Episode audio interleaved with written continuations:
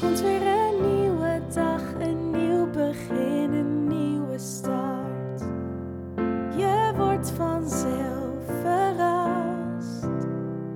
Dus lach niet, heb het leven lief. Ook al heb je zorgen, pak het met beide handen vast.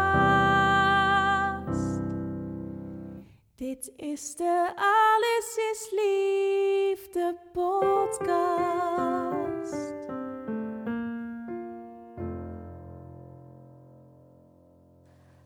Wat leuk dat je luistert naar de Alles is Liefde podcast. De podcast over liefde, seks en relaties. Mijn naam is Rianne Roes. Ik ben relatietherapeut en eigenaar van samenalleen.com. In deze podcast ga ik in gesprek met collega's uit het vak en raken we verschillende thema's aan. Thema's die betrekking hebben op het leven, de liefde, seks, relaties, de dood en alles wat er maar bij komt kijken. Ook zal ik af en toe iets delen over mijn eigen proces. Ik wens jullie heel veel luisterplezier, veel inspiratie en ik wil jullie bij deze alvast bedanken voor het luisteren en hopelijk tot een volgende keer. Dit is de Alles is Liefde podcast.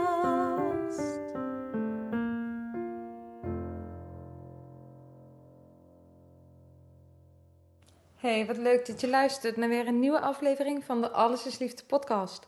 Vandaag een gesprek met Bram Bakker, uh, bij mensen uit het vak waarschijnlijk wel bekend.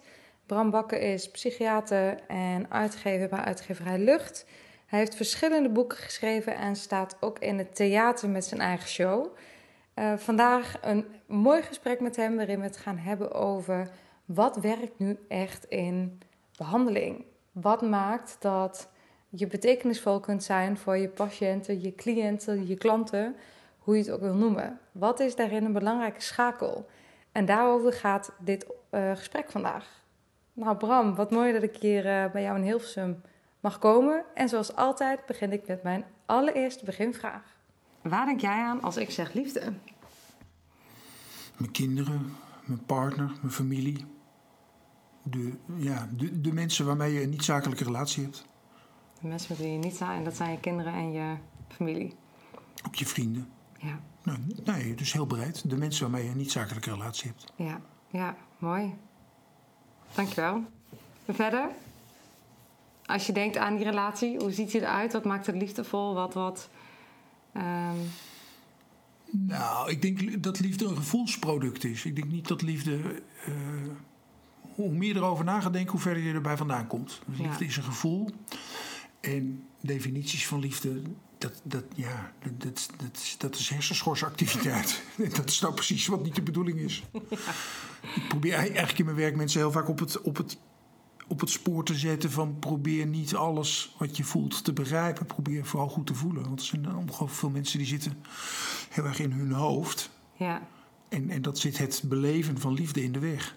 Ja, ja, dat klopt. Dat is ook zo. Dat is ook de reden eigenlijk hè, dat ik begonnen ben met deze vraag. Omdat waar je ook leest, de definitie van liefde is eigenlijk ondefinieerbaar of onvindbaar. Liefde is niet goed te definiëren. Iedereen heeft er ook zijn eigen. Maar dat moet je ook niet willen. Nee. Volgens mij is net zoiets als blauwe lucht. Als, als we het over blauwe lucht hebben en we proberen ons daar iets bij voor te stellen, dan gaat iedereen die dat doet een ander beeld ja. oproepen. Ja. ja, omdat het zo gekleurd is vanuit je eigen perspectief en ervaring. Nou, ik vind kijkerliefde is ook wel een voorbeeld van een begrip wat eigenlijk een beetje. Nou ja. Waar slecht mee omgegaan wordt. Wat, wat heel erg een product is geworden. Een beetje hetzelfde als met geluk. Weet je, geluk is ook zoiets. Dat is heel belangrijk. Iedereen heeft er een gevoel bij. Maar als je naar de, naar de televisiereclames kijkt en luistert, mm -hmm. dan, dan is geluk zeg maar het product wat verkocht wordt. Ja. Je boekt bij ons je vakantie en geluk is het, re, is het resultaat. Uh, nou ja, uh, schrijf je in op onze dating-app ja. en je vindt liefde. Wat een flauwekul. Ja. ja, dat is waanzin. Maar dat, ja, een bruggetje maken naar het vakgebied waar we in zitten. Is dat eigenlijk een beetje in de voorbereiding naar dit gesprek. Dacht ik, volgens mij zitten we daar in ons vakgebied ook onszelf klem te zetten. Want we uh, bieden een behandeling aan voor een bepaald soort klacht. Alsof je daarmee de klacht kan oplossen. Maar is het niet veel meer de bedoeling dat je gaat leren leven of leren verdragen dat een klacht ook bij het leven hoort? Nou ja, kijk, ik, ik denk dat het klachtgericht behandelen, en dat, dat hoop ik ook, dat het een beetje over zijn hoogtepunt heen is. En kijk, we hebben, we hebben 30, 40 jaar lang, en, en, en vooral door die cognitieve gedragstherapie, maffia, zeg ik mij veel onaardig, maar die, die, die, die, dominante cognitieve gedragstherapie cultuur ook heel erg gedaan alsof klachten niet bij het leven zouden horen. Alsof het, alsof het abnormaliteiten betreft die je moet verwijderen, zoals een ontstoken blinde darm. Ja. En dat is natuurlijk de grootst mogelijke bullshit. En Ja. ik ben echt niet tegen cognitieve therapie, helemaal niet. Maar als je niet een breder perspectief op het leven hebt en dat daar mooie kanten aan zitten, maar ook minder mooie kanten, en dat het alles bij elkaar het leven is, ja, dan snap je het niet. Dus Nee. ik hoop dat we nu komen in, in gedifferentieerder kijken naar hoe klachten zich verhouden tot krachten, hoe de dingen die lastig zijn ook kleur geven aan de dingen die mooi zijn. Ja. En hoe zou dat eruit kunnen zien? Want we eh, zijn natuurlijk vooral bezig, dat herken ik zelf wel echt. Eh, Je hebt de orthopedagogiek gedaan en dan ga je de systeemtherapie doen. En terwijl je de ene opleiding doet, ben je eigenlijk alweer bezig met welke specialisatie ga je hierna doen. Ik heb het idee dat we in het vakgebied ook alleen maar bezig zijn met nog meer scholen, scholen, scholen. Terwijl dat volgens mij niet per se ehm, bijdraagt aan de kwaliteit van de therapie. Net als laatst het krantenartikel, of het was het op LinkedIn, zag ik het, dat de psychologen niet zouden voldoen. Nou, kijk, het het, het is, ehm, het is allemaal hetzelfde. Het is allemaal productdenken. Dus eh, psychologen hebben allemaal diploma's en cursussen nodig. Maar er zijn weer cursusaanbieders die ook klanten nodig hebben. Dus als je dat hele, dat hele nascholingscircus bekijkt... hè, en, en de bedragen die er worden gevraagd voor een dagje, nou weet ik veel, eh, derde generatie problematiek of vier en een halfde generatie problematiek of partners van mensen met derde generatie. Weet je, dus we voorzien hier ter plekke eh, vijf cursussen. En als je je maar goed in de markt zet, dan komen er nog mensen op af ook. Terwijl de vraag is, hebben wij behoefte aan meer cursussen? Ik denk het niet. Ik denk, we hebben behoefte aan meer menselijk contact. Ja. En, en daar speelt intuïtie en gevoel de hoofdrol. En in de cognitieve gedragstherapie hebben ze lopen prediken dat het niet uitmaakt of jij het toepast of dat ik het toepas. Want dat als je het maar netjes doet, dat, dat de uitkomst dan hetzelfde is. Dat is Ja. niet waar. Dat is, dat is volksverlakkerij. Als iemand een goed gevoel bij jou heeft, dan is, is, is de effectiviteit van jouw interventie veel groter.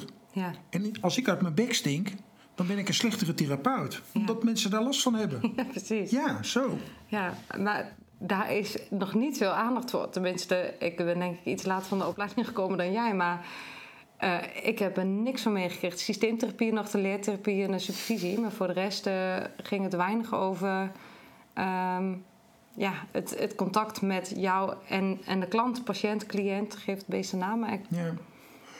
Nou, kijk, we moeten, we moeten niet gaan somberen. Ehm, ik, denk, ik denk dat eh, de mindfulness en, en de ACT, de Acceptance Mhm. Ja. and Commitment Therapy en de positieve psychologie, ehm, maar ook bijvoorbeeld de yoga, dat die echt wel iets brengen. Alleen Ja. de, de, de grap is dat je die professionele schotten dan niet meer kan plaatsen. Want uiteindelijk kunnen mensen uit yoga precies hetzelfde halen als uit een cursus mindfulness.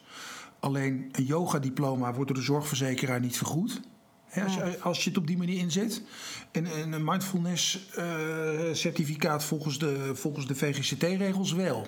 ja, Maar zegt dat iets over de kwaliteit? Nee, natuurlijk. nee. Als Nee. jij moet kiezen tussen een goede yogadocent en een slechte mindfulness trainer, dan ga je toch yoga doen? Ja, ja. Maar dan en als er geen geldgestuurde motieven zouden zijn. Nee, maar dat, dat is het zieke. En dat, dat geldt niet alleen voor de geestgezondheidszorg, dat geldt voor de hele zorg. Het, het, het is totaal verziekt omdat de euro's voorop zijn komen te staan. Er worden aan de lopende band in ziekenhuizen eh, declarabele verrichtingen verkocht. En, en mensen moeten onderzoeken ondergaan waarbij al lang niet meer wordt nagedacht of die mensen daar in hun mens zijn bij gediend zijn. Dus Ja. iemand moet drie keer in de week voor uiteenlopende testjes komen omdat er verdenking is op kanker. Je kan zeggen, ja, we bieden hele goede zorg bij kanker. Maar de andere kant is, we verdienen er ook heel goed geld aan. Ja, ja. En ik vind dat de balans, ja, de balans is daarin zoek. Ja, dat denk ik ook. En het, het, het puzzelt me soms over hoe je dit... ehm, dat heb ik opgeschreven. Hè, is dit ook niet iets wat alleen maar bottom-up aangepakt kan worden? Want van top-down is er altijd het motief van, de, eh, van het geld, van de financiering. En wat als je in ik merk het in mij, om mij heen steeds meer. Steeds meer eh, vriendinnen, collega's, mensen uit het vak... die toch weerstand krijgen tegen hoe eh, het hele declarabele systeem werkt. Ja. Dat als je van daaruit meer die beweging in gaat brengen... dat het misschien wel eh, op grotere schaal kan veranderen. Ja, het gaat in mijn beleving heel erg over bewustzijn. En als mensen zich realiseren dat, ze- dat ze in zo'n systeem vooral een consument zijn. En eh, weet je, er worden, er worden gewoon voor betrekkelijk overzichtelijke trajecten...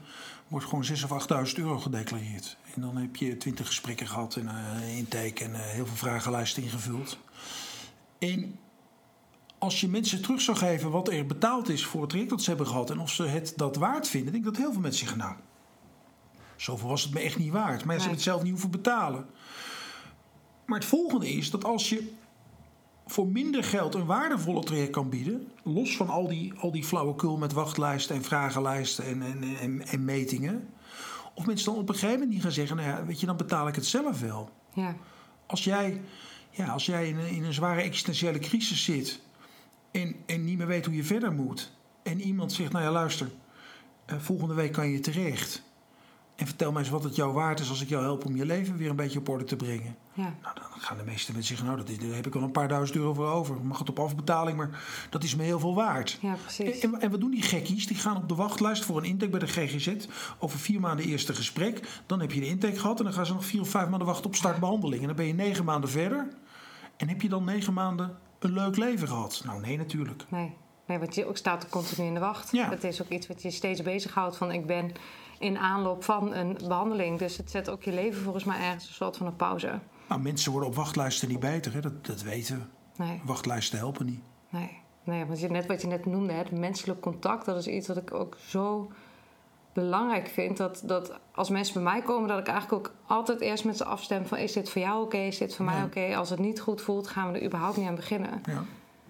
Maar ja, dat is iets wat in de GGZ best wel ingewikkeld is. Want je krijgt gewoon iemand toegewezen. Nou ja, ik, ik, ik, ik, ik was geloof ik twintig jaar geleden al omstreden... omdat ik al mijn patiënten mijn 06-nummer gaf. Maar ik, toen ik eh, begin, begin 2018 met, met een eh, lichamelijk probleem bij de neuroloog belandde... Ja, wa- was ik vooral onthutst over, over het ongelooflijk onpersoonlijke contact. Terwijl dan ben je ook nog een collega. Hè? Dus dan kom je, kom je nog binnen als collega, psychiater... en ook dan nog iemand eh, met een beetje naam of zo. Ja. Dus je zou denken, nou, ze gaan een beetje, ze gaan een beetje doen. hun best doen. ja, Nou, niets van dat alles. Dat is voor mij vervelend, maar daar gaat het nou verder niet om. Het belangrijkste is dat als ik zo behandeld word, dan weet ik wel hoe een timmerman eh, uit Elst of een huisvrouw uit Middelburg wordt behandeld. Namelijk geen haar beter. Nou, wat is, wat is de grootste gemene deler? Onpersoonlijk, onpersoonlijk, onpersoonlijk. Ja. Ik zit de hele dag met patiënten te appen. Ja, Nou kan je, kan je zeggen, ja, daar heb ik geen tijd voor. Maar als je echt, echt serieus zou uitrekenen hoeveel tijd het je kost... dan is de vraag of een secretaresse die telefonische afspraken inplant... of dat niet veel meer tijd kost. ja, Want ik, terwijl ik op de wc zit een patiënt een app te sturen... ja. en die, en die patiënt, ik, vanochtend nog, eh, eh, was er eentje die zei... goh, je bent vroeg begonnen omdat ik om 20 over 6... ik was toevallig vroeg wakker, maar ook vroeg naar bed gegaan... eh, je bent er al vroeg bij. Vindt die patiënt lekker? 's ochtends om 20 over 6 denkt hij al aan me. ja, ja. Omdat je gezien en gehoord wordt. Nou ja, om, om, om- omdat ik denk, ik moet die even een berichtje sturen. Ja. En ik, ik vergeet het ook wel eens. Maar dan is het van, ja, eh, waarom hoor ik niks van je? Dan zeg ik, sorry, weet je, het is allemaal persoonlijk contact. Ja. En je Ja. kan een heel bureaucratisch circus optuigen. Maar daarmee weet je één ding zeker, dat het nooit persoonlijk wordt. Ja, en dat het nooit ook echt wordt. Dat je het kan voelen met elkaar. Dat als je een relatie met elkaar hebt opgebouwd... Die, eh, en als je dan wel een keer vergeet, vergeet te appen... dat daar ook een wederkerigheid in het contact is... waarin die ander ook kan zeggen... Goh, joh, ik had eigenlijk verwacht dat je me nog wat zou sturen... in plaats van dat het meteen op de regels gehanteerd wordt. Van, goh, je had me gezegd om vier uur vanmiddag iets eh, van je te laten horen. Want dat is wel wat ik merk... dat als het heel erg volgens een protocol of planmatigheden gaat... dat het 9 van de 10 keer ten koste gaat van het contact. Nee, dat is ook zo. Maar kijk, als, hè, ik, ik zou graag het volgende onderzoek doen. Dat heb ik ook zelfs voorgesteld aan, aan een hoogleraar. Maar men wil dat niet. En als ik het je uitleg, dan snap je gelijk waarom men het niet wil. We nemen 60 depressieve patiënten. En bij loting wijzen we ze toe aan. Hè, we beginnen bij de huisarts. De huisarts verwijst ze of naar de GGZ, of ik krijg ze. En, en dat loten we. En dan heb je 30 in de ene groep en 30 in de andere groep. En dat heb je nodig om een beetje statistisch significant resultaat te bieden. Ja. Nou, en dan doet de GGZ wat ze altijd doen. En ik doe ook wat ik altijd doe. En dan gaan we na een half jaar en een jaar en twee jaar en drie jaar en vijf jaar gaan we kijken met welke groep het beter gaat. Ik durf serieus waar, ik durf, ik durf mijn, mijn, mijn rechterarm erop in te zetten dat ik win. Ja, dat denk ik ook. En iedereen die ik dat zo schets, die zegt ja, dat zal wel. Ja, waarom? Omdat ik zorg dat het persoonlijk is. Ja. Ik zorg dat ze niet hoeven te wachten. Ja. Ik zorg dat ze geen allemaal trutte vragenlijsten hoeven in te vullen waar ze zelf niet beter van worden. Nee. Dus ik ga winnen. Ja. Maar dat onderzoek gaat nooit komen, want het schoffelt het hele, Systeem. het schoffelt het hele systeem onderuit. Ja. Want waarom zou je dan nog naar de GGZ gaan? Ja, niet. Nee, en er werken hele goede bevlogen mensen bij de GGZ. Hè? Geen, geen, geen misverstand daarover. Maar die zitten verstopt in de structuur en in de organisaties. Als je geluk hebt, kom je bij een goede. Als je pech hebt, niet. En wat er ook heel veel mensen, wat een terugkerende klacht is, overkomt, is dat hebben ze een klik met iemand. En dan de keer daarna. Ja, die werkt hier niet meer. Ja, die is manager geworden. Nee, die heeft zwangerschapsverlof. Nee, die heeft zelf een burn-out. Weet je, dat Ja. soort dingen. En dan kan je dus weer opnieuw beginnen. Want dan had je net contact met iemand en dan is die weg. Ja. En die heeft het je ook zelf niet verteld. Nee, dat krijg je dan te horen bij de volgende afspraak. Maar de secretaresse die zegt, oh ja, je hebt nu eh, met... Waar, eh, waar is Erika? Ja, nee, Erika is er niet meer. Jij krijgt nu truus. Ja. Pardon? Met iemand met wie je zaligheid Ja, gedeeld nou ja, hebt. dat. Die, eh, Ja, dat. Daar zit je een schot tussen. Ja. En dan is het gek dat mensen wantrouwig worden. Nou ja, en, en, en dat je eigenlijk verlangt dat ze dingen met je delen die ze vaak met hun eigen partner al niet eens delen. Nee. Ik heb in de verslavingszorg gewerkt. Nou ja, 9 van de 10 verslaafden hebben geheimen. Met betrekking tot hun gebruik van drank en drugs en, eh, en porno en seks en gokken, noem het allemaal maar op. Die hun partner niet weet. Dus in de behandeling is het, is het cruciaal dat ze bij iemand zitten die ze kunnen vertrouwen. Daar helpt het beroepsgeheim bij. Maar het is ook het contact. Dat je denkt, nou, de- deze kan ik het wel vertellen. Want die heeft, die heeft geen oordeel. Nou, die ziet eruit alsof hij zelf ook al eens iets heeft meegemaakt in het leven. Ja. Dat helpt, hè? Ja. En hoeft niet over mij te hebben. Maar het vertrouwen is wel van... Nou ja, dat, is, dat is iemand waar, ik- waar, ik, waar ik mijn hart kan uitstorten. En Ja. de winst zit er maar dan juist in dat je een professional bent en niet die partner. En dan kun je als professional zeggen: ja, luister, als jij echt met die partner door wil. en je wilt ook deze kwaal te lijf. dan moet je wel met je partner gaan delen. Weet je, volgende keer vraag hem of haar eens om mee te komen. Ga Ja. met z'n drieën bespreken. En wat is het dilemma rondom het geheim? Hè? Wat is het dilemma van het delen van het, eh, het openen van het geheim? Daar Ja, maar dan ben je nu al aan het behandelen. Terwijl nu eh, komt het voor, dat maak ik gewoon in mijn eigen praktijk mee. Dat een 14-jarige zich suicidaal uit bij een jeugdhulpinstelling. en dat die jeugdhulpinstelling weigert om het met de ouders te bespreken. Want vanaf 12 heb je eh, het recht om alleen met jouw hulpverlener te communiceren. Dus die hulpverlener die zit met allemaal etikettenregels. waardoor hij of zij vindt dat hij dan de ouders niet kan waarschuwen. En vervolgens knoopt zo'n jongere zich op. Ja, dan is het land te klein. Want natuurlijk gaan die ouders procederen, protesteren en, en bezwaar maken tegen deze gang van zaken. Ja. En wat is dan het verweer? Nee, maar we hebben het volgens de regels gedaan. Waarom we dat? Ja, WGBO, wetgeneeskundige behandelovereenkomst. Dat, nou ja, dat kan toch bijna. En dat is ook wat, ik las het ergens in een column misschien ook wel van jou. Over het evidence-based werken. Dat als je, dat merk ik ook met de beroepsvereniging. Ik heb me daar laatst in een podcast ook over uitgesproken. En dat werd niet door iedereen heel erg gewaardeerd. Dat als je maar kan zeggen dat je alle stapjes hebt gezet. Als je maar het protocol hebt gevolgd. Als je een evidence-based methode hebt gebruikt. Alsof je jezelf dan kan kwijtschelden van alle verantwoordelijkheid van alle blaam. En niet dat ik iemand de schuld wil geven, maar ik vind het soms wel ingewikkeld dat ik wat ik doe helemaal nergens in het boek staat beschreven, maar waar ik wel 100% achter sta, maar dat er vervolgens ehm, ja, toch met angst gezaaid wordt. Van wat als, wat als dit, wat als dat. Maar er zit in die hele hulpverlening zit een onwaarschijnlijke angstcultuur verstopt. En waar het op neerkomt, en, en wat ik nu ga zeggen, dat is pijnlijk, maar volgens mij helaas ook waar, is dat mensen bij wijze van spreken liever hebben dat iemand voor de trein stapt en hun niets te verwijten valt, dan dat ze moedwillig van een protocol of richtlijn afwijken in een poging om iemand voor de trein vandaan te trekken. Ja, En dat is, dat is niet oké. er, ja. Maar je hebt, wat je dan nodig hebt, is mensen die, die de guts hebben om te denken: fuck het protocol. Ik voel dat ik nu dat moet doen en het dan gaan doen. Nou, en in de GGZ, Daar zitten allemaal managers en directeuren die zeggen: je moet je wel hier aan de regels houden. Dus als jij, noem maar wat, je 06-nummer geeft. of jij gaat appen met die borderline mevrouw s'avonds om 10 uur. Nou ja, dan ben je echt niet professioneel. Ja. En natuurlijk moet je opletten met wie je op welk tijdstip contact hebt. Dat, dat is jouw professionaliteit. Ja. Maar zeggen, je mag nooit buiten kantoortijden met geen enkele patiënt contact hebben. Omdat er af en toe een eh kwaadaardige borderliner is die daar, die daar op een verkeerde manier gebruik van maakt. Dat Ja. is toch veel te kort door de bocht? Maar dat zou in één geval zo zijn. In 99 ge- keren, of- of 99 keer van die gevallen zul je misschien iemand wel eh, van dat verschil, eh, hè, dat verschil kunnen maken voor die persoon. Ja, maar kijk, ik, ik, ik hou de score niet bij. En ik, er zijn genoeg patiënten die, waarvan ik de behandelaar was, die zijn, die zijn gestorven door suïcide. En dat heb ik niet kunnen voorkomen. En niet iedere keer had ik, had ik een aandeel of een fout. Maar er zijn er ook waarbij ik, als ik heel eerlijk ben, moet zeggen... nou, daar had ik het ook anders kunnen doen. Of de afloop er anders was geweest, dat weet ik niet. Dus ook ik krijg als behandelaar te maken met suïcides. En dat is dan het meest extreme voorbeeld. Maar als behandelaar maak ik ook fouten. Moet ik nou een lijstje bijhouden van hoeveel dat er zijn?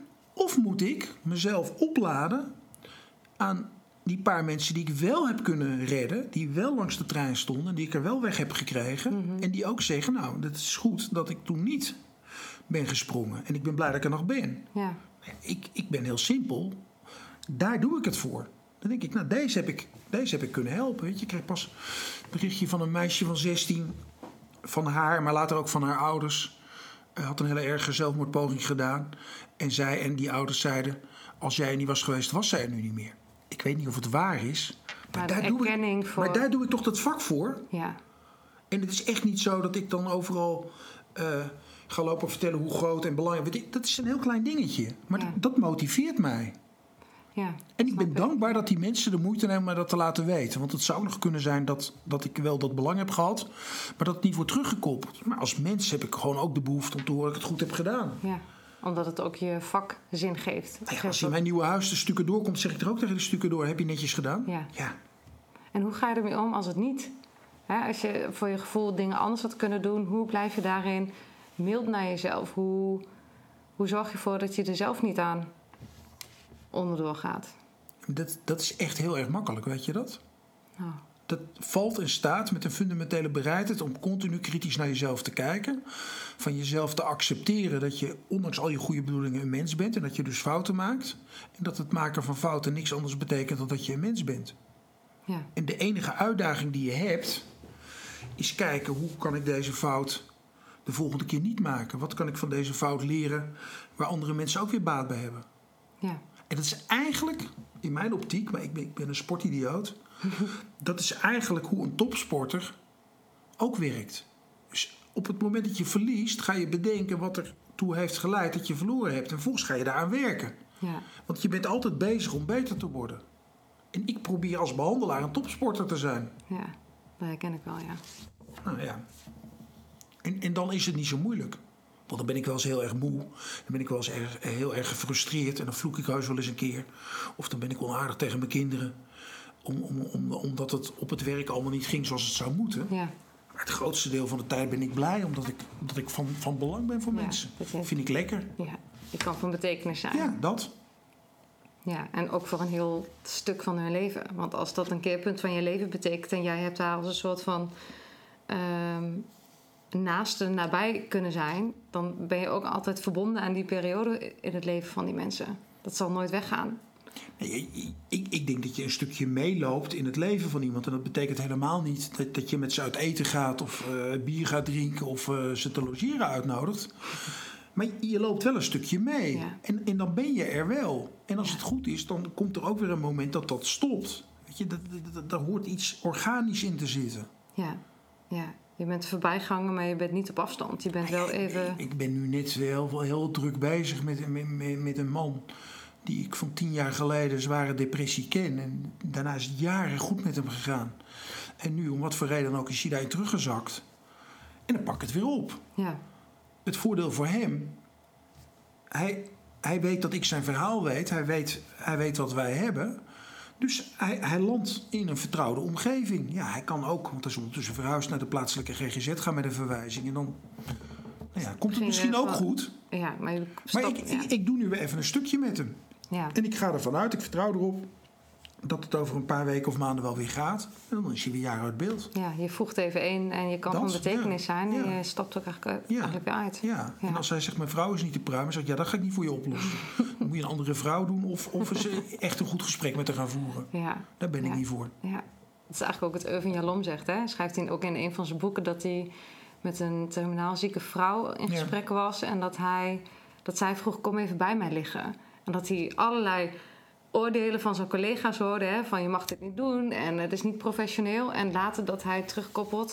Nou, was ik echt door geraakt. Dat hij zei, van alle gesprekken die ik met haar heb gehad... denk ik dat het het meest waardevol was... dat ik op dat moment aan haar verzoek gehoor kon geven. Hoe buiten de kaders ook. Want wie gaat nu eh, bij zijn patiënt in bed liggen? Kijk, de, de ellende. Kijk, jalo, jaloom is God, hè? Iedere, iedere therapeut wil als jaloom zijn. Ja. Tegelijkertijd moeten wij ons realiseren, die is 80 plus Mhm. en, en die, is, die is waarlijk onafhankelijk. Dus jaloom kan alles maken. Want wat jaloom doet, is, is, is, is boven iedere twijfel verheven. Nou, dat heeft hij natuurlijk verdiend. Dus hij, heeft, hij, heeft, hij, heeft, hij heeft zich daar naartoe gewerkt. Maar in die zin is hij niet representatief. Ik zou heel goed in staat zijn, nu al, terwijl ik, terwijl ik nog lang geen 80 ben, om aan zo'n verzoek gehoor te geven. Ja. Dat vereist dat, dat, je bijvoorbeeld heel scherp hebt waar de grens ligt. En ik heb echt in mijn werk af en toe met hele prachtige eh, vrouwen contact gehad, heel aantrekkelijk.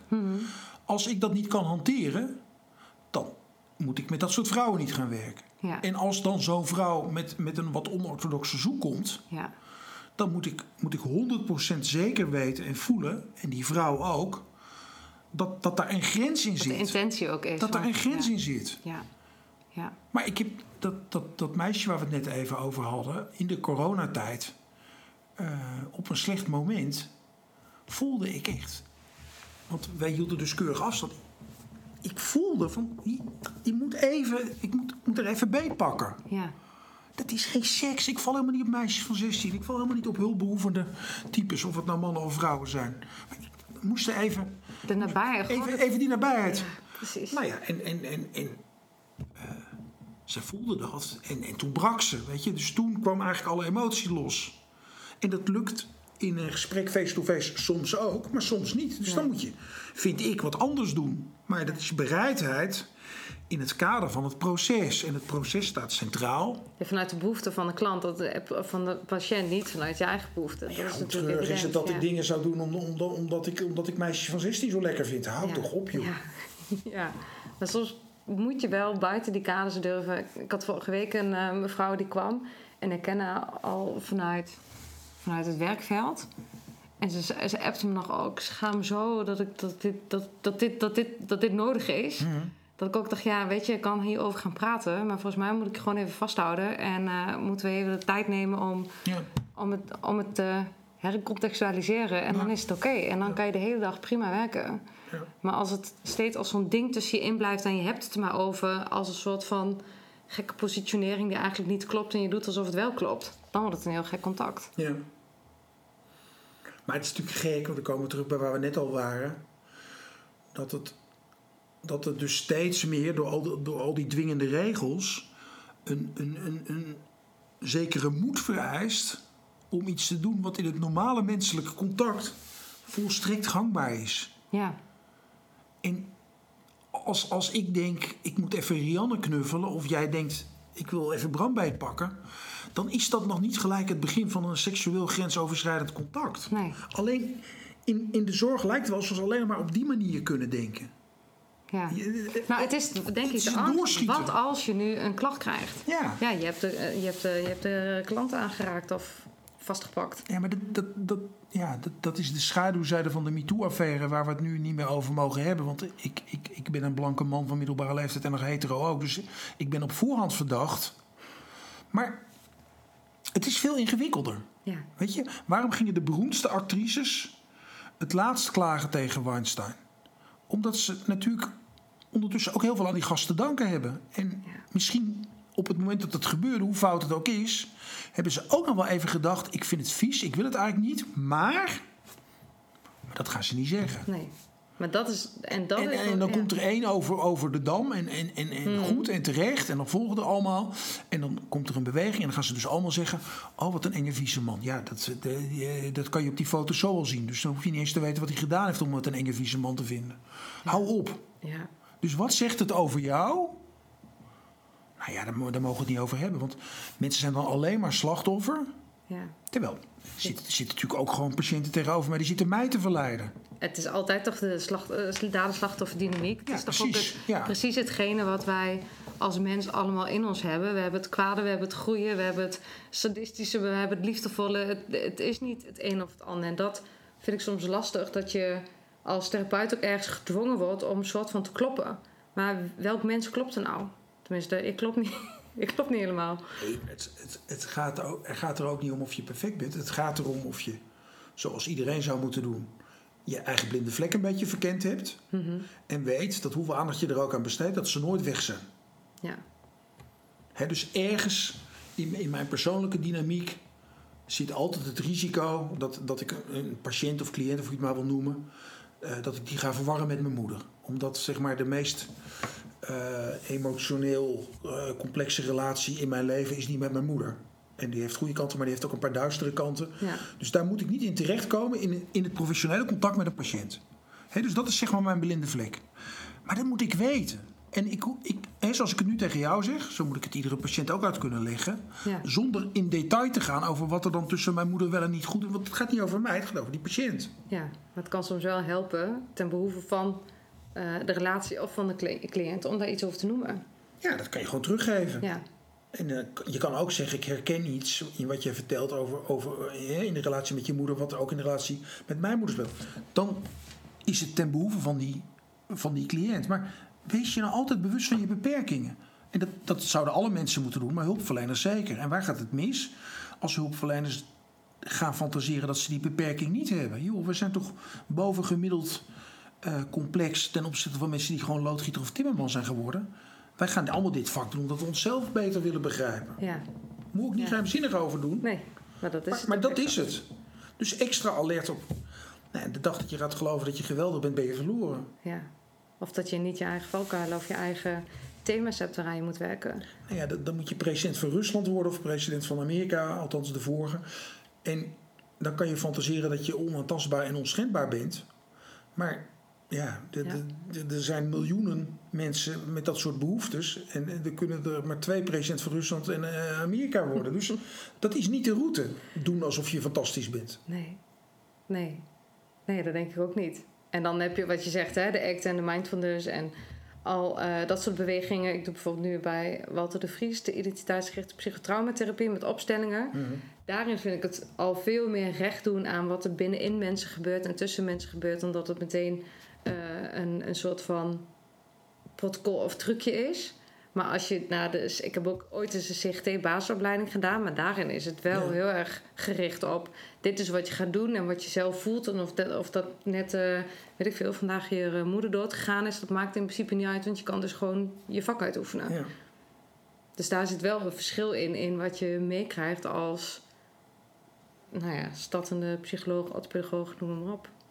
Nee, maar kijk, als je, hè, even omdat het voor de hand ligt met wat, wat er nu speelt, als je, als je naar Trump kijkt, dan mag je daar geen diagnostisch etiket op plakken. Nou, dat snap ik ook wel, dat hoeft ook helemaal niet. Maar in gewoon Nederlands is dat toch gewoon een idioot, die man. En als je, eh, hè, wat, wat volgens mij de behandeling is op, op, op, op, op primitief niveau van een schreeuwende kleuter als Trump, want zo, zo zie ik die man, geen diagnose, maar dat is hoe ik naar hem kijk, dat is een speentje. Weet je, hij, hij, loopt, hij loopt te gieren en te proesten en te tieren. En waar hij volgens mij behoefte aan heeft, is hij zegt: Stil maar, Donald. En die geeft hem een, die geeft hem een speentje. En die Ja. aait over zijn ruggetje. En dan wordt, dan wordt kleine Donald kalm. Ja, En nou is hij 1 met de 90 en 74 en hartstikke rijk en weet ik veel wat. En een lekker wijf. En allemaal, al, allemaal ruis, allemaal rumoer. Ja. De kern is: het is gewoon een schreeuwende kleuter die een speentje wil. ja. En iedereen snapt dit volgens mij. En er Ja, zullen een paar is mensen zeggen, nou, het zit, nee, het is niet een speentje, het is, het is een klap op zijn hoofd of, een- of een potje olverrit, Ja. weet ik veel wat. Maar het is allemaal heel primitief. Nou, dan kunnen we wel zeggen, ja, eh, hij moet schematherapie persoonlijkheidsstoornis. Ja, dat, dat zou ook helpen, maar dat vereist dat hij akkoord is met, met het label Precies. persoonlijkheidsstoornis. En dat is hij niet. En dat hij die kritische zelfreflectie Ja, zou dat- willen. ja, dat wil hij Eh, ook niet. Nee, Nee. hij wil het niet eens willen. Dus dan houdt het al snel op. Nee, maar hij gaat nog liever dood dan dat hij over zichzelf nadenkt. Ja. Ja, dus dan roept hij, ja, dan regelt hij het allemaal buiten zich om. Ja. Ja. Want überhaupt etiketten, hoe... eh, jij, jij, jij hebt er dagelijks mee te maken met alle diagnoses en de diagnosticering, Nou, kijk, DSM. Een van de redenen dat ik, dat ik nu voor, voor mezelf heb besloten om uit het systeem te stappen, is dat ik gewoon klaar ben met die etiketten. Ik, ik, ik weiger eigenlijk nog mensen DSM-labeltjes op te spelden, omdat, omdat de zorgverzekeraar dat wil. Het, het, het helpt die mensen niet, het helpt mij niet. En bottom line denk ik dat het de zorgverzekeraar ook niet helpt. Maar goed, die, die stelt het als eis.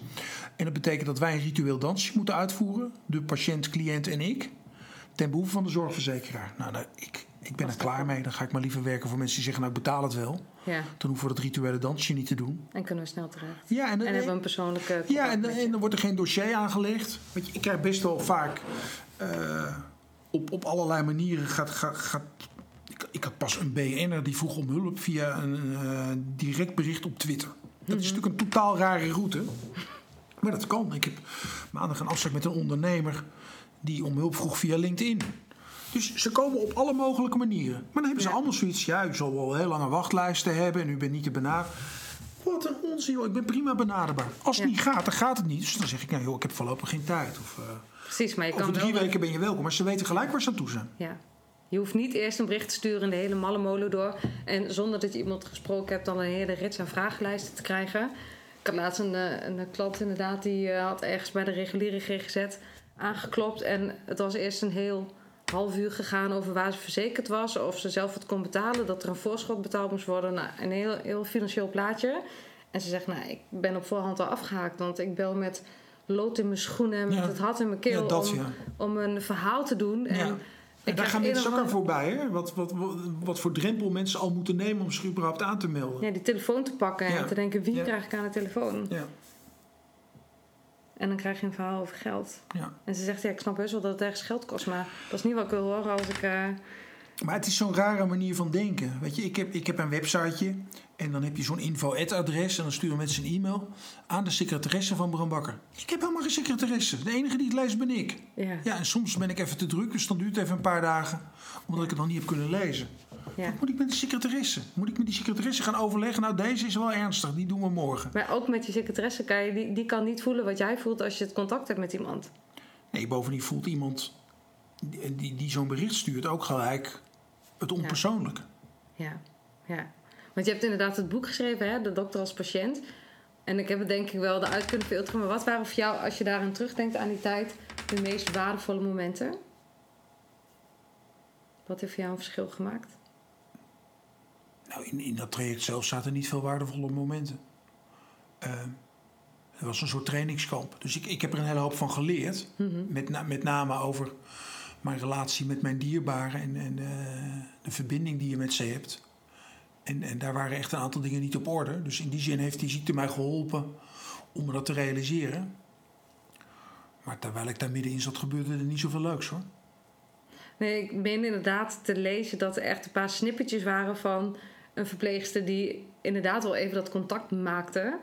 Um, nou, waarin je dacht van, oh ja, weet je, als ik dit meer zou voelen, dan zou ik me als patiënt in dit ziekenhuis zoveel beter op mijn plek voelen of zoveel meer gezien en gehoord voelen. Dus waarschijnlijk ook beter herstellen.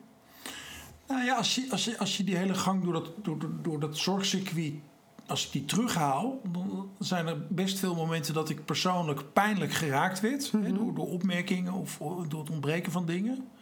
Er zijn er maar heel weinig momenten geweest waarop ik me gezien voelde als mens. Of even, uh, nou ja, dat, dat het even persoonlijk werd. Ik blijf het heel raar vinden, als je, ik was echt totaal invalide, dat er überhaupt nooit is gevraagd van, uh, kom je de trap nog op? Ik ging op handen en voeten de trap op. Zijn er heb je kinderen die misschien afhankelijk zijn van jouw zorg? Ja, ja. Allemaal niks, joh. Er is überhaupt geen vraag over gesteld. Geen enkele vraag over, over mijn, over mijn persoonlijke achtergrond. Ja. Ik, ik kan me dat niet voorstellen. En, en nou ja, voor, voordat mij dat overkwam, denk ik dat ik best al informeel en persoonlijk was in mijn manier van doen. Mhm. Maar nu nog meer. Ik begin eigenlijk tegenwoordig altijd met mensen vra- vragen wat hun context is. En eh, Ja. eh, wie weet dat je hier zit of wie weet het niet en waarom niet. En eh, ja, weet ik veel hoe ze thuis. ja. Heb, je wel heb je dan ook het gevoel dat je dat meer kan zijn doordat je ook meer hebt ontdekt over wie je zelf bent of wie je wil zijn in het leven? Ik denk, ik denk, ik denk dat. Kijk, dat is ook weer zo typisch GGZ. Die gaan op een gegeven moment gaan ze als nieuw product de ervaringsdeskundige toevoegen. En ik ben hartstikke voor ervaringsdeskundigen. Mhm. Maar de ervaringsdeskundigen die komen vaak kennis tekort. Ja. Maar de mensen die heel erg op die kennispoot gaan zitten, die doen heel erg alsof ervaringsdeskundigheid er niet toe doet. Ja, dan gaan we multidisciplinair, want we werken ook met ervaringsdeskundigen. Maar het allermooiste is toch als je dat een beetje in, in, in jouw eigen persoon weet te combineren. ja. Dus hoe fijn is het dat je bij een relatietherapeut zit die zelf ook een bloedige scheiding achter de rug heeft gehad? Hoef je helemaal niet die scheiding te gaan bespreken. Nee. Maar Maar je, je- het is toch fijn? ja. je kan voelen waar de pijn zit. Je Ja. kan voelen waar de. Ja, gewoon het gevoel dat je gezien en gesnapt wordt. Ook al heb je niet een oplossing. En ik denk dat daar ook ehm, veel meer de toekomst ligt om het leven te leren leven met zijn ups en zijn downs. En niet. Oh, en dat is misschien per, eh, eh, per situatie ook weer verschillend. Maar ik zie ook veel meer dat je transitiemomenten hebt. Dat je momenten in je leven hebt waarin of alles samenvalt, zowel positief als negatief.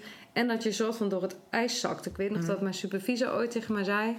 ehm, eh, degene niet, of, eh, of je patiënt bent of niet, hangt af van de mate waarin je regie hebt over je eigen gekte. Ja, En daar, nou ja, daar geloof ik echt voor 100% in. ja. Want iedereen is in, nou ja, ergens in aanleg gek. Nee, op, op slechte momenten zijn we allemaal patiënten. Ja, Tuurlijk. maar dat, ja, nou ja, ik zou graag willen dat daar wat meer eh, in het contact ook wat meer aandacht voor is. En ik weet nog gewoon nog niet zo goed hoe dat, hoe dat te doen. Hoe kunnen we daar. Nou ja, kijk, het, het gevaar wat nu dreigt is, is, is dat we dat, dat aspecifieke, dat, dat, eh, dat non-verbale, informele contact, dat gevoel, deze man of vrouw begrijpt waar ik het over heb, dat, dat we dat dan weer gaan labelen. En dan, dan kom je bij gruwelijke termen spiritualiteit. ja, ik vind het echt verschrikkelijk, want dat, dat is nu het nieuwe product. Weet je? De, dus Maar hoe kan spiritualiteit een product zijn? Nou, omdat, omdat daar dan tijdschriften verhalen over gaan eh, schrijven. En eh, dan moeten er allemaal boeken verkocht worden van, eh, van grote denkers die in de goot hebben gelegen, maar een spirituele wedergeboorte hebben doorgemaakt. En koop dit boek. Ja. Kijk, uiteindelijk, uiteindelijk denk ik dat mensen. Nou ja, om te beginnen zouden we veel meer uit moeten gaan van het, van het feit dat we gewoon aapjes zijn. En, en dat we dus in de basis niet anders doen dan wat er op de apenrots in Artes gebeurt. Dus wil je jezelf begrijpen, ga daar eens een hele dag zitten kijken wat, wat, daar, wat daar gebeurt. En, en vergelijk jezelf met die verschillende apen. En vergelijk jouw partner en jouw kinderen en, en je collega's ook met die apen. En dan zie je allemaal dingen. Vind ik, ja, ja, ja, bij ons gaat het eigenlijk net zo. Ja. Dat, dat is wie we zijn. En het enige wat ons onderscheidt is dat we er nog een beetje over na kunnen denken. Dat is de toegevoegde waarde. Maar we gaan toch ook niet zeggen dat apen spiritueel zijn? Maar je ziet wel dat er tussen, a- tussen de ene aap en de andere aap meer verbinding is Ja. dan, dan tussen twee andere apen. Ja. Hebben ze, hebben, ze dan, hebben ze dan het laatste boek van de alage wal geraakte beroemdheid... die een spirituele transformatie door... heeft, He- eh. Hebben die apen dat niet gelezen? Of doen ze gewoon wat hun gevoel ze ingeeft? Ik denk dat laatste. Dat denk ik ook. Ja, dus Maar dat is wel weer iets wat voorbij gaat aan waar taal of waar methodes aan kunnen voldoen. Het is soms ook een gevoel. Een energie die tussen, tussen mensen ontstaat. En dat is niet hoe hard jij ook je best doet. Als het niet stroomt tussen ons, dan gaat het ook ergens niet stromen. Ook als je gaat invoegen, weet ik veel wat je gaat doen. Als het er niet is, dan denk ik niet, net als met die apen, dat je het af kan dwingen. Ja, maar wij hebben een ontembare gekte om alles in woorden te vangen en alles te willen begrijpen. En dat is allemaal prima, want dat, dat heeft de mensheid veel opgeleverd. Maar we zitten wel aan tegen het moment dat we, dat we ook moeten erkennen dat we het niet precies begrijpen.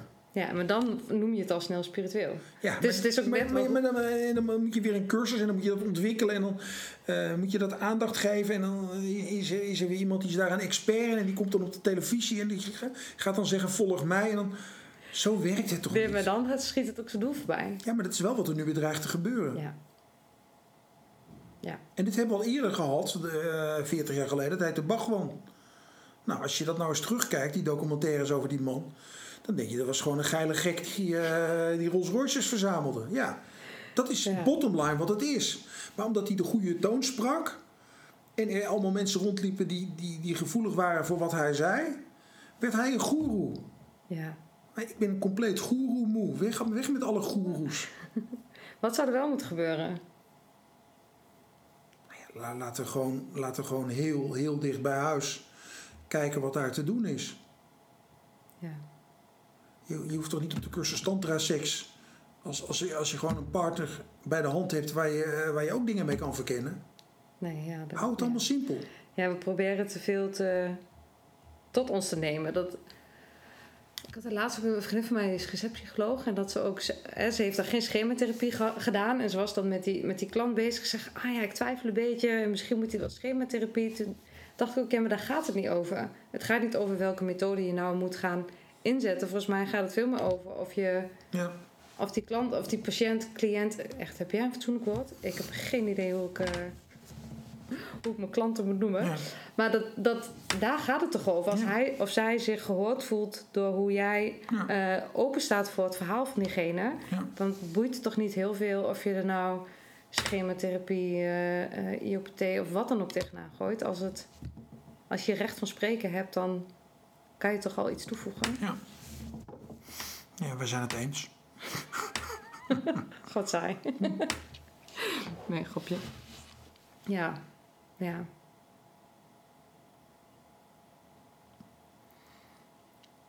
Nou, ik denk, kijk, het is een, het is een spannende tijd. Hè, want je, je, je kan blijven kletsen.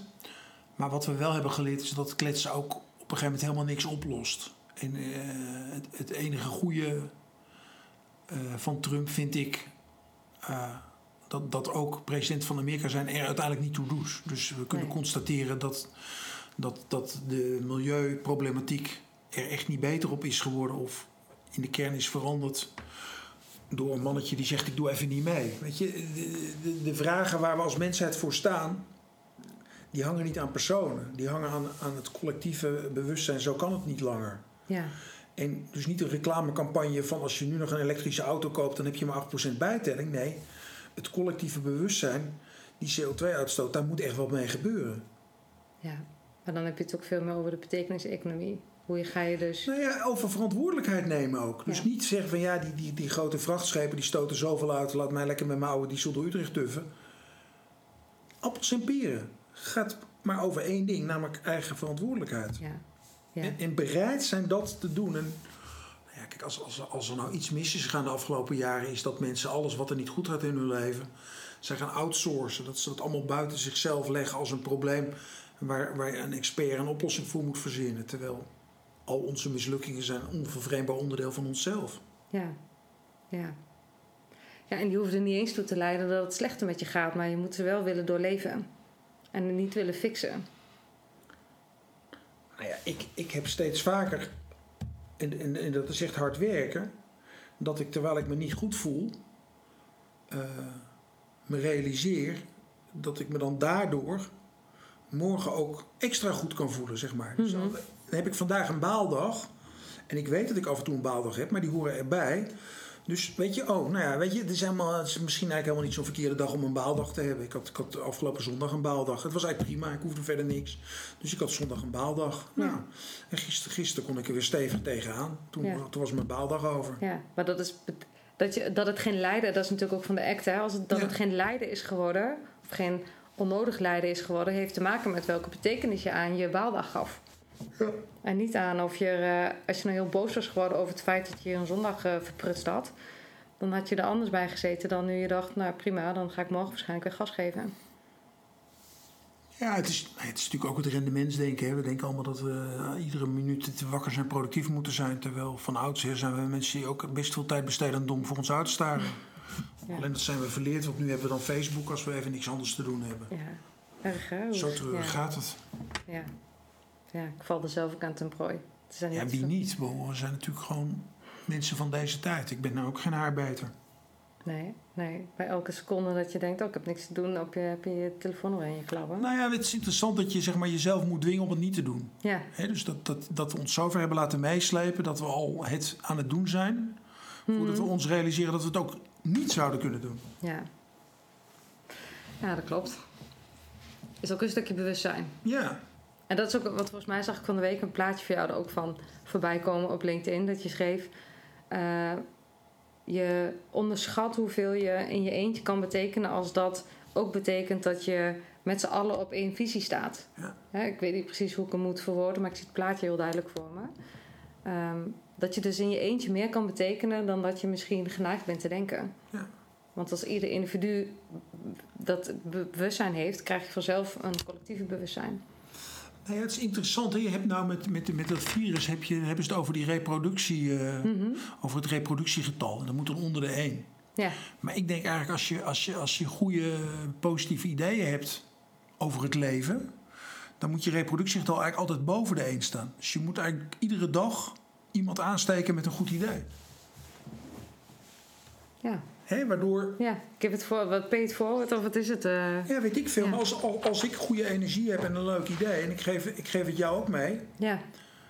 Ja, En ik moet altijd boven de 1 komen. Dus ik moet iedere dag één iemand inspireren. Minstens één.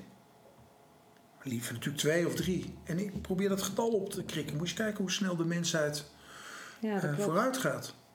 Ja, Maar zo denken we helemaal niet. We dat denken, is wel een mooie gedachte. Val, val, val mij niet lastig met jouw zorgen. Dat, dat is hoe we zitten, allemaal de, zitten er allemaal defensief in. Ja, het moet leuk zijn. Ja, het moet allemaal leuk zijn. Ja. Een beetje geluk erbij. En het moet mogen volgens de regels. En, Ja. en, en heel veel wat leuk is, gaat niet volgens de regels. Klopt. Het meest leuke zit toch wel een beetje buiten die lijntjes. Of Ja. in ieder geval erop. Ja. En de rest is vooral eh lopen eh, met de kudde mee. Maar daar zit, niet, eh, daar zit ook niet de levenslust. Nee, Het je levend voelen en Nee. het voelen dat je betekenisvol bent. Of, eh, nee, dat ben ik wel met je eens. hey, mooi. hè? We zijn echt een hele tijd aan het praten. we gaan ophouden. Ja, we gaan. eh, zijn er nog dingen die ik niet gevraagd heb? Of waar. Ik had inderdaad nog iets over leefstijl opgeschreven, maar daar zijn we natuurlijk wel redelijk. enigszins wel aangeraakt. Ja, ik, nog één uitsmijter over de liefde. Nou, Kijk, we- je, ehm, je kan het niet afdwingen, je kan het niet forceren. nee. Maar je kan wel werken aan de randvoorwaarden. Dus het je openstellen of, of alles doen wat nodig is om liefde te geven of te ontvangen, daar zou je veel meer op moeten focussen als op de liefde.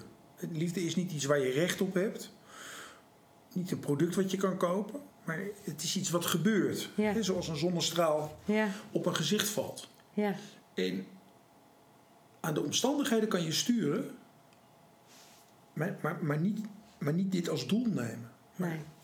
het, het als een beloning zien voor dat je open Het je openstellen. Ja, ja. Ja, en wat is daarvoor nodig om je open te kunnen stellen? Hoe Nou, kun je daar aan je, dat, werken? je, dat je iedere dag bereid bent om na te denken over wat jij nodig hebt. En Ja. dat is van persoon tot persoon verschillend. En ook wat jij kan doen. En hè, dat, Ja. dat stukje wat je zei, de kritische zelfreflectie die je net even noemde als zijnde voor jou heel normaal. En ik denk dat inderdaad met jouw houding en jouw attitude dat het voor jou ook normaal is. Maar dat het voor heel veel mensen helemaal geen eh, gewone mindset is om heel kritisch en eh, zelfreflectief na te denken. Ja. Dus dat, nou ja, als je het hebt over eh, wat heb je nodig, maar ook eh, kritisch kunnen onderzoeken van wat is mijn rol in bepaalde patronen die ik met andere mensen steeds herhaal. Ja. Daarvoor zul je toch eh, aan de pak moeten Ja. met jezelf. Wij doen dat al. maar de luisteraars naar deze podcast hopelijk nu ook. Zet hem op mensen. Dankjewel, Bram. Je hebt zojuist geluisterd naar het gesprek met Bram Bakker, wat ik met hem had over, nou ja, zoals je gehoord hebt, het belang van de therapeutische relatie, eh, echt contact maken, maar daarin ook het spanningsveld tussen je professionaliteit behouden en daarin eh, toch het contact aangaan met, met je klant. Dat dat zoveel meer belangrijk is dan, ehm, dan een methode uitvoeren of dan eh, protocollen netjes stap voor stap uitvoeren. Wat ons betreft is het erg belangrijk om contact te maken, verbinding aan te gaan, naast je patiënt te staan En eh, ik hoop daarin uh, dat jullie hier ook in geïnspireerd zijn geraakt. Ook als je zelf patiënt bent, zoals we dat allemaal ergens in ons leven zullen zijn. Um, dat je op je eigen gevoel afgaat en durft te vertrouwen op die therapeutische relatie. Dus als het goed voelt, dat je blijft. Maar dat als je het niet goed voelt, dat je het ook bespreekbaar maakt.